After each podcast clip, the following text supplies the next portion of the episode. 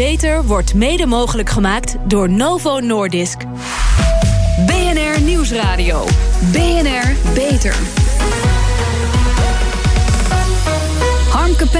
Het voorkomen van levensgevaarlijke infecties gaat niet alleen over de strijd tegen multiresistente bacteriën, maar vooral ook over het terugdringen van potentiële infectiehaarden. In deze zomerspecial gaan we in gesprek met microbiologen en tropenartsen. Welkom bij BNR Beter, het programma voor mensen die werken aan gezondheid. Mijn gasten vandaag: Remco Kort, microbioloog, onderzoeker en hoogleraar microbemensinteracties aan de Vrije Universiteit van Amsterdam en auteur van het boek De Microbenmens. En Joost Hopman, arts microbioloog, afdelingshoofd hygiëne en infectiepreventie bij het Radboud UMC en adviseur van Artsen zonder Grenzen. Ja, meneer Hopman, ik begin met u. Nederland doet het wat betreft infectiepreventie goed in vergelijking met omringende landen waar ze veel sneller antibiotica voorschrijven. Maar dat wil niet zeggen dat we kunnen blijven toekijken, want multiresistentie neemt toe. Hoe groot is het probleem? Ja, het probleem is, uh, is uh, heel groot wereldwijd. Het is ook echt een wereldwijd probleem. Uh, met name in Azië, in China en India neemt de resistentie ongelooflijk snel toe. Ja. Waarbij er nu data is dat er uh, dat echt middelen die wij in de praktijk gebruiken, routinematig, uh, daar al bijna niet meer uh, te gebruiken zijn. Ja, we doen het goed in vergelijking met het buitenland. Maar dat betekent allerminst dat we ons kunnen permitteren om stil te zitten. Wat moet er volgens u gebeuren om die voortschrijdende multiresistentie te stoppen? Ja, dat is een vraag, daar kan je een hele middag over praten. Maar goed, probeer het eens. Nou, de, waar wij erg naar streven in Nederland is om een balans te krijgen tussen uh, verbeteringen in de infrastructuur mm -hmm. van ziekenhuizen en IT, maar ook echt de ziekenhuizen aan zich. Um, en het verbeteren van het gedrag bij de, bij de medewerkers in de zorg. Ja, want die uh, handen wassen, uh, compliance wat dat betreft, daar ontbreekt het nogal aan. Hè? Lang niet voldoende. Handhygiëne is, uh, is een van de drie hele belangrijke pijlers binnen infectiepreventie. Maar ook reiniging en desinfectie van, van de omgeving en van medische instrumenten. Als ook het toepassen van isolatiemaatregelen. En eigenlijk voor al die drie pijlers geldt dat het in de dagelijkse praktijk behoorlijk ingewikkeld is om dat goed toe te passen. Ja, meneer Kort, u bent onderzoeker, het is uw werk ver vooruit te kijken. Maar wat vindt u van het huidige infectiepreventiebeleid in ziekenhuizen?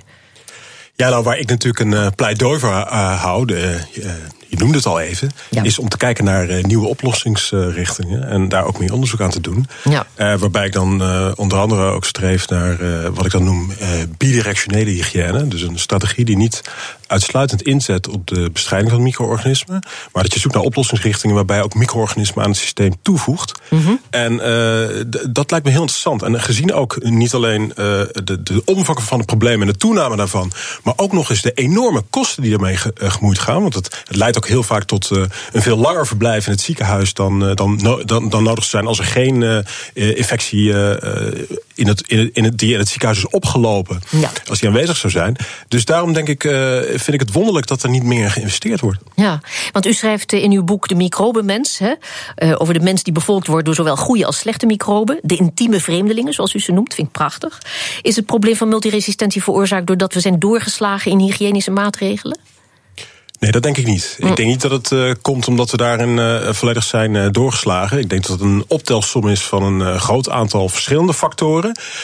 Eén ervan is wel dat de eenzijdige inzet op het, het inactiveren en, en, doden van micro-organismen... dat dat bij kan dragen aan de toename in antibioticumresistentie. Er is ook een rapport van de Gezondheidsraad uitgekomen... waarin staat dat veelvuldig gebruik van desinfectiemiddelen... Ja. ook antibioticumresistentie toename kan veroorzaken. Ja. Um, ja, de bestrijding van infectieziekten is in handen van een multidisciplinair team van specialisten in de ziekenhuizen. Is, is het in Nederland wel goed geregeld zo of moet dat anders? Ja, ik denk dat uh, het goed zou zijn als zij. Uh, ja, ik herhaal gewoon eigenlijk wat ik net zei. Dat, ja. dat men ook open staat voor uh, nieuwe oplossingsrichtingen. Ja. En we, we, we, kunnen daarin best wat minder behoudend zijn dan we nu zijn. Ja. Omdat volgens het eenvoudige principe, als je nou doet wat je altijd hebt gedaan, dan krijg je ook wat je altijd hebt gekregen. Ja.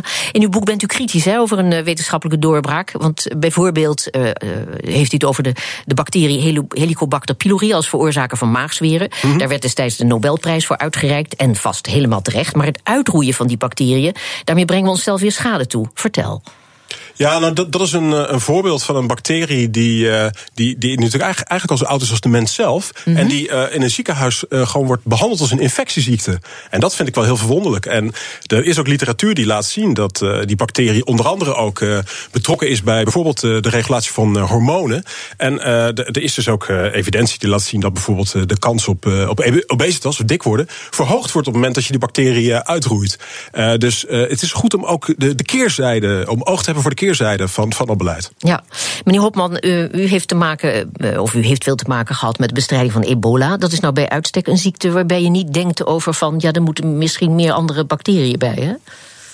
Zeker, maar, de, maar ebola en de bestrijding van ebola heeft ons wel heel veel geleerd. Ik ben in 2014 en 15 bij de WHO betrokken geweest nadat het een public health emergency of international concern was uitgeroepen.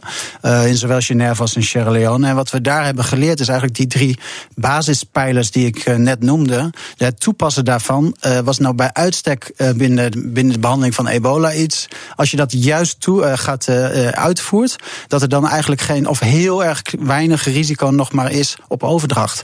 Dus het fascinerende teruggaan naar de basis en daarvan leren, mm -hmm. uh, dat zouden we eigenlijk ook meer moeten toepassen hier in Nederland. Ja, de opleiding tot tropenarts ligt ondertussen onder vuur. Het is even een zijstraatje, maar het gaat ons aan. Uh, kan de Nederlandse gezondheidszorg wel zonder die kennis? Behoort het niet gewoon tot het curriculum van de opleidingen voor artsen en, en, en verplegend personeel? Ben ik het absoluut mee eens. Uh, mijn eigen carrière is ook in, uh, in, uh, in, in, eigenlijk in mijn eerste jaar al in, in Ghana begonnen. En sindsdien, de afgelopen 18 jaar, heb ik daar heel erg veel geleerd in Afrika en in Azië en in, in, in het Caribisch gebied. En ik denk dat eigenlijk iedere Nederlandse dokter zou in ieder geval exposure moeten hebben aan, aan dergelijke ziektebeelden. Ja. Een reinigingsmiddel met zo'n 50 miljoen bacteriën per milliliter. Ja, we praten nu even over iets heel iets anders. Je moet er niet aan denken om daarmee je keukentje te schrobben, maar dat moet je wel doen, want die toegevoegde bacteriën zijn juist goed voor ons. Het bedrijf Grisal uit het Belgische Lommel brengt dit product op de markt en het kreeg onlangs het Europese eco-label. Verslaggever Roger Dankerlui sprak met bioloog, microbioloog en CEO van Grisal Robin Temmerman over beestjes op het aanrecht. Dit is een van onze twee laboratoria. Eigenlijk het hoofdlabo waar we de productontwikkeling doen en de kwaliteitscontrole. Hier is onze uh, laminaire flow, dus een standaard uh, toestel waar we de handelingen doen met alles wat met microbiologie te maken heeft, zoals uitplatingen om kwaliteitscontrole te doen. De probiotische reinigingsproducten zien er helemaal hetzelfde uit als een klassiek reinigingsmiddel. Het enige verschil is dat je als extra actief ingrediënt de probiotica hebt, de goede bacteriën, die tijdens en na de reiniging op het oppervlak aanwezig blijven en daar hun ding gaan doen. Maar nou dacht ik dat reinigen juist het weghalen van bacteriën is. Nee, dat is ontsmetting. Dus dat is het grote probleem dat we de afgelopen tientallen jaren te veel hebben gedaan. Het proberen afdoden van micro-organismen, dat is voor niks nodig. Micro-organismen zijn goed, hebben we nodig. Enkel een aantal ziektekiemen, maar die kunnen we ook op een heel andere manier aanpakken. Ontsmettingsmiddelen, bouwen resistentie op, waardoor ze steeds sterker worden. Vandaar het alternatief probiotische reiniging waar je niks afdoodt, waar je gewoon zorgt dat je permanent een goede microbiologie hebt op je oppervlakken met goede veilige bacteriën. En dan is er veel minder risico op aanwezigheid van ziektekiemen. En hoe werkt dit nou concreet? Want we hebben nu dit uh, oppervlak van deze keukentafel hebben we ingesmeerd met uh, dat middel. In het product zit nog altijd ook chemie, milieuvriendelijke chemie weliswaar. Maar het speciale, de probiotica, die blijven na de reiniging aanwezig op het oppervlak en gaan daar gedurende dagen lang organische vervuiling die nog in het oppervlak aanwezig is, gaan wegwerken, waardoor het oppervlak veel zuiverder wordt en er een veel minder voedingsbron is voor andere micro-organismen. En wat voor klanten heeft u nou eigenlijk? We zijn begonnen de producten te ontwikkelen uh, en te valideren in de ziekenhuizen, omdat daar de problematiek van resistente ziektekiemen en vervuiling uh, het meest kritiek is. Uh, na tien jaar onderzoek hebben we eindelijk ook het Europese ecolabel gekregen op die technologie. En de producten worden nu met die wetenschappelijke onderbouwing en het ecolabel eigenlijk losgelaten op de volledige markt, zijnde scholen, uh, hotels, kantoorgebouwen en ook bij de particulier thuis. En het is inmiddels ook wetenschappelijk bewezen? Het is na tien jaar onderzoek wetenschappelijk bewezen. Dus we hebben in heel veel ziekenhuizen onderzoek gedaan, ook in Nederlandse ziekenhuizen. En we merken dat we na al die jaren gemiddeld 54% minder infecties hebben in een ziekenhuis, wat toch wel heel wat mensenleed uh, en kosten bespaart. Nu pas staan we aan de start van echt de commerciële uitrol van, van deze technologie. Waar we heel veel geïnvesteerd hebben in de productkwaliteit, in de wetenschappelijke onderbouwing. En nu moeten we inderdaad gaan zien hoe we op zo efficiënt mogelijke manier eh, de mensen, zowel professioneel als, als thuis, vertrouwd maken eh, met deze technologie. Ja, u hoorde Robin Temmerman van Griesal in gesprek met BNR-verslaggever Roger Dankerlui. Ja, meneer Kort, Remco Kort, ere wie ere toekomt. U heeft ons attent gemaakt op dit bedrijf. Bent u aandeelhouder? Nee, ik heb verder geen uh, financieel belang bij dit bedrijf. Oh ja, dat is een heel gewone vraag hoor. Bij ja, BNR. nee, ik snap het. Ja. Maar is dit het voorzichtige begin van een ommekeer waar u zo voor bent? Ja, inderdaad. Dat Ja? uh, ziet u goed. Mooi. Goed. Nou, meneer Hopman, wordt u hier ook blij van? Ik vind het een fascinerende approach. Uh, maar ik ben de, de, het Radboud UMC in het algemeen zijn ongelooflijk voorstander van innovatie. Um, alleen het moet inderdaad evidence-based zijn en het moet netjes aangetoond zijn dat het geen schade berokkent en dat het een toegevoegde waarde heeft voor onze patiënten. Ja, klinkt heel verstandig. Maar ondertussen heb u het al in huis? Wij hebben het nog niet in huis, omdat het ook nog niet, uh, zover ik weet, uh, voor de Nederlandse markt uh, gecertificeerd is. Ah ja, daar gaat er vast van komen. Remco Kort, wel, je poetst wel met, met, met dit spul? Nee, dat nog niet. Het zit, het zit er nog niet in mijn tandpasta uh, voor zover. Oh, je bedoelt gewoon uh, ja. op, op de aanrecht? Nee, ja. nee, nee, dat uh, doe ik ook nog niet. Ik heb het inderdaad op de Nederlandse markt zelf ook nog niet zoveel kunnen nee. ontdekken. Maar wat ik eigenlijk wel toe wil voegen is dat, dat het wat mij betreft, wat ook de ziekenhuizen in Nederland betreft, is het natuurlijk helemaal niet nodig om zo'n afwachtende houding aan te nemen. Want mm -hmm. dat is natuurlijk ook al, al mogelijk met bestaande, in de, vanuit de bestaande situatie. Kijken of we het voortouw kunnen nemen. Ja. in plaats van afwachten tot er iets in de wetenschappelijke literatuur verschijnt. Ja, meneer Hopman? Um, zeker, maar de, de approach die wij eigenlijk nemen, de benadering is dat wij uh, die infrastructuur waar ik uh, zojuist over gesproken heb, om dat proberen die te veranderen. Dus als we nou kunnen zorgen met elkaar dat we minder hoeven te reinigen en desinfecteren, dan hebben we ook minder middelen nodig. En die, dat doen wij dus wel in de praktijk. Dus we hebben bijvoorbeeld een van de bronnen in de Nederlandse ziekenhuizen, de wasbakken. wasbakken zijn echt een bron voor multidrukresistente bacteriën. Die hebben wij op onze IC verwijderd van de patiëntenkamers, om daarmee dus minder te hoeven reinigen desinfecteren. Dus in feite is dat een andere benadering. En dat hebben we ook gepubliceerd. Um, uh, een jaar geleden. Um, en daarmee, dat is dus een nieuwe benadering. Maar je... wassen te weinig hun handen en de, de, de wasbakken worden verwijderd. Hoe zit dat? Nou, waar het om gaat, volgens de richtlijnen van de World Health Organization, is dat je handhygiëne moet toepassen. Ja. En de aanbeveling is om, om dus alcohol-based handrub te gebruiken. Um, mm -hmm. En alleen indien je handen zichtbaar verontreinigd zijn, hoef je je handen te wassen. Dus in de dagelijkse praktijk in Nederlandse ziekenhuizen wassen wij onze handen niet meer. Of heel, okay. heel sporadisch. U hoorde Remco Kort en Joost Hopman. De zorg kan niet zonder tropengeneeskunde, dat is duidelijk. Ziekenhuizen kunnen de opleiding tot tropenarts niet meer betalen... en dat heeft ernstige gevolgen voor de zorg. Dat zo. BNR Nieuwsradio. BNR Beter. Geen enkel ziekenhuis krijgt overheidsfinanciering voor de opleiding tot tropenarts of arts internationale gezondheidszorg, zoals de tropenarts tegenwoordig heet. Ziekenhuizen moeten de opleiding zelf betalen en als de overheid niet bijspringt, dreigt de opleiding te verdwijnen. Dat is meer dan jammer, want de kennis en ervaring van tropenartsen is hard nodig, vooral nu exotische ziekten steeds vaker ook in Nederland voorkomen. Daarover praat ik met mijn gasten David Koetsier, huisarts in Amsterdam-Noord en voormalig tropenarts, en Marie Bakker, tropenarts in opleiding en artsassistent bij het Medisch Centrum Leeuwarden. Ja, meneer Koetsier, ik begin met u. De opleiding arts internationale gezondheidszorg en tropengeneeskunde is sinds 2012 een erkende vervolgopleiding. Heeft zo'n 30 opleidingsplaatsen per jaar, verdeeld over heel Nederland. De arts in opleiding die moet zijn specialisatie tropenarts voor een deel zelf betalen. Dat is in tegenstelling tot andere specialismen. Waarom is dat? Ja, dat snappen we eigenlijk ook niet zo goed. Want uh, de beroepsvereniging van artsen, de KNMG, vindt ook dat uh, de overheid dat gewoon moet betalen. Ja, maar ze, ze, hebben dat ooit zelf zo, uh, want ze hebben die opleiding geloof ik zelf opgezet. Ze hebben dat ooit zelf zo geregeld. Ja, zo is het natuurlijk begonnen. De opleiding was ja. eerst niet erkend. En uiteindelijk is het dan wel erkend, maar nog niet gefinancierd. Nee, dus troopartsen zijn bereid 10.000 euro voor een opleiding te betalen. Worden nu eigenlijk gestraft voor hun bevlogenheid. Als ik het goed begrijp, toch? Ja, zo kun je het noemen. Ja. Mevrouw Bakker, u bent zo'n arts in opleiding. Binnenkort hoopt u naar het buitenland te vertrekken. Waar gaat u naartoe? Ik hoop Malawi. Um, ik ben op dit moment me nog aan het oriënteren op een uh, plek. En dat is een stageplek voor de laatste zes maanden van mijn uh, opleiding. Ja, en, en u bent al eerder op reis geweest. Hè? Naar, ja. Waar naartoe was dat? Uh, ik heb kooschappen gedaan in Lesotho, een kleine uh, ja, eigenlijk staatje in Zuid-Afrika. Mm -hmm. En daarnaast uh, ben ik ook in Zuid-Afrika zelf geweest op de afdeling traumatologie. Ja. Maar als kind heb ik ook uh, ja, in de tropen genoemd, zoals ze dat dan zeggen. Want uw ouders zaten in de tropen? Ja. Ja, ja, zo gaat het vaak, hè? Ja. U werkt nu als artsassistent in Leeuwarden. Zijn uw buitenlandervaringen, heeft u, die al kunnen, heeft u die al kunnen benutten voor de Nederlandse gezondheidszorg? Nou, samen met mijn opleiders, uh, ook uh, twee artsen internationale gezondheidszorg, uh, artsen internationale gezondheidszorg, hebben wij een, um, aan de hand van een Ghanese onderzoek, notabene, een wekelijkse training voor het hele team ja. ingesteld. En dat is een training die oefent in het reanimeren van pasgeborenen. En die pasgeborenen, die reanimeert natuurlijk niet elke pasgeborene, maar dat nee. zijn de pasgeborenen die niet ademend ter wereld komen. Ja, ja. En wat bleek uit dat Ghanese onderzoek, um, was dat. Um, in vergelijking tot wat wij in Nederland doen. We beginnen allemaal aan het begin van zo'n jaar met één keer een cursus. Ja, je en moet het bijhouden. Precies. Dat is de les. Boerenverstand zou je zeggen. Ja. Uh, maar dat boerenverstand moesten we wel uit Ghana halen. Ja. Ja, want uh, Ghana, ja, dat is een, uh, een, een, redelijk beschaafd land, zou ik maar zeggen. Goh, let op je woorden.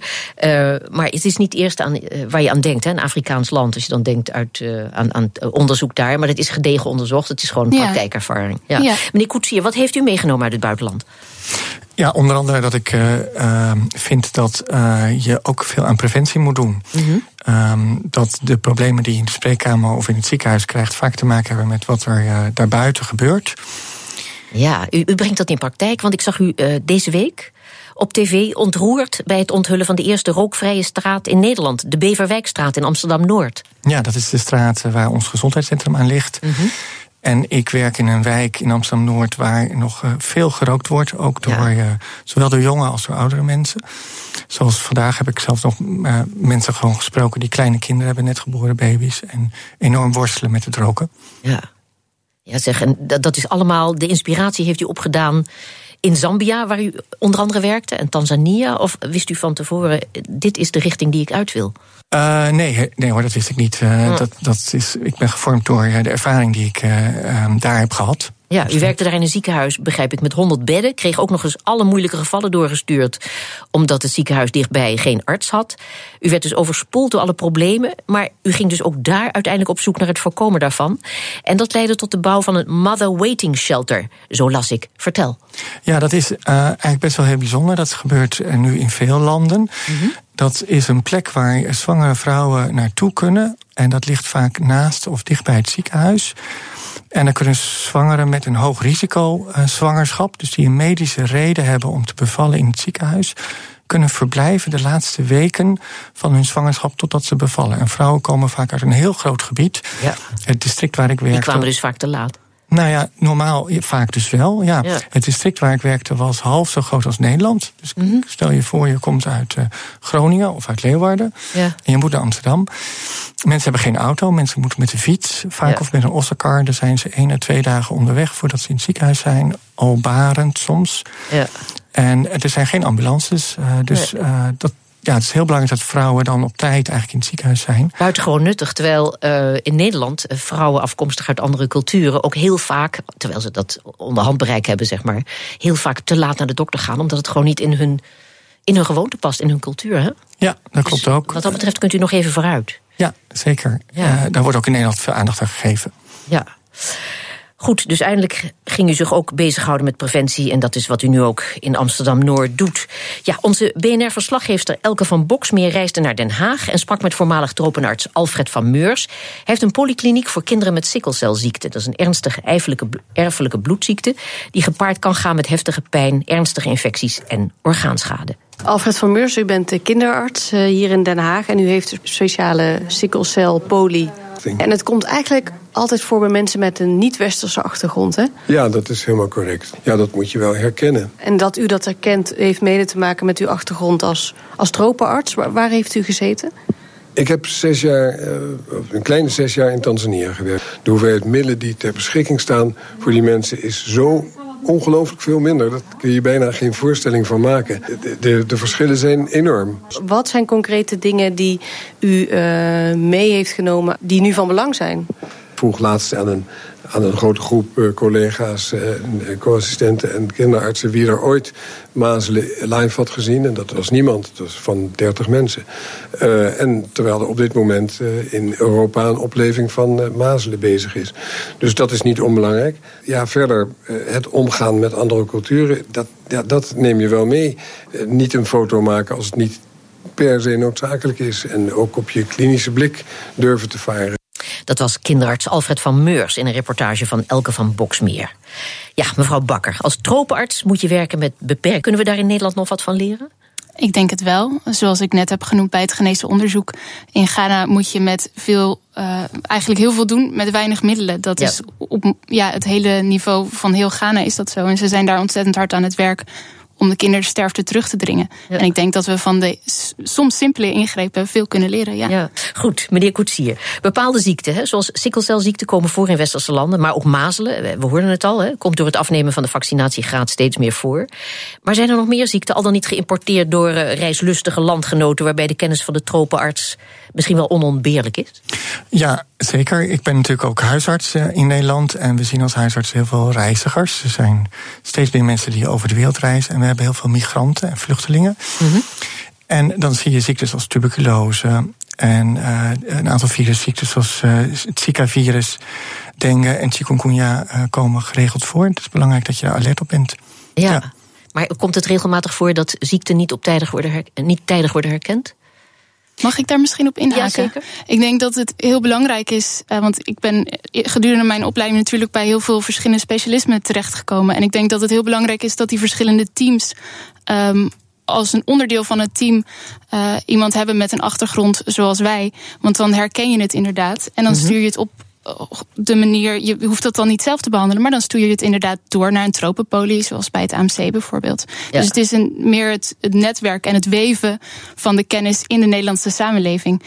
En dat kan je bereiken door terugkerende arts internationale gezondheidszorg. Ja, heel belangrijk. Mevrouw Bakker, wat zou, het, uh, wat zou het de overheid kosten als de kennis van de tropenarts verdwijnt? Nou, wat ik eigenlijk net zei, ja. aan de ene kant heb je een, een prachtige structuur nu die al jarenlang uh, artsen opleidt. En die breek je dan af. Ja, ja dat daar kun je nog geen prijskaartje aan hangen. Nee. Meneer Koetsier, wilt u een poging wagen of heeft u een, een vlammend betoog? Nou, dat is altijd lastig om dat uh, zo instant uh, te leveren. Maar ik denk dat het gewoon enorm zonde zou zijn als we dit niet gaan regelen. Nederland is al een enorm multicultureel land, een heel divers land.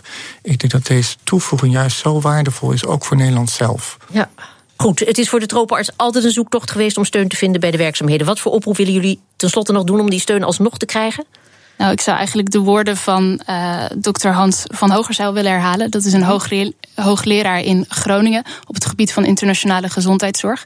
En tevens ook lang directeur bij de WHO geweest. En hij zegt eigenlijk dat het een illusie is om te denken dat Nederland internationale gezondheidsspecialisten kan opleiden. zonder eerst een pool van uh, experts op te leiden. Waaronder jonge artsen die een tijd in het buitenland werken. en dan vervolgens hun kennis inzetten ja. voor de Nederlandse maatschappij. David Koetsier, goed hè? Nog iets aan toe te voegen? Eigenlijk niet, gewoon nee. doen.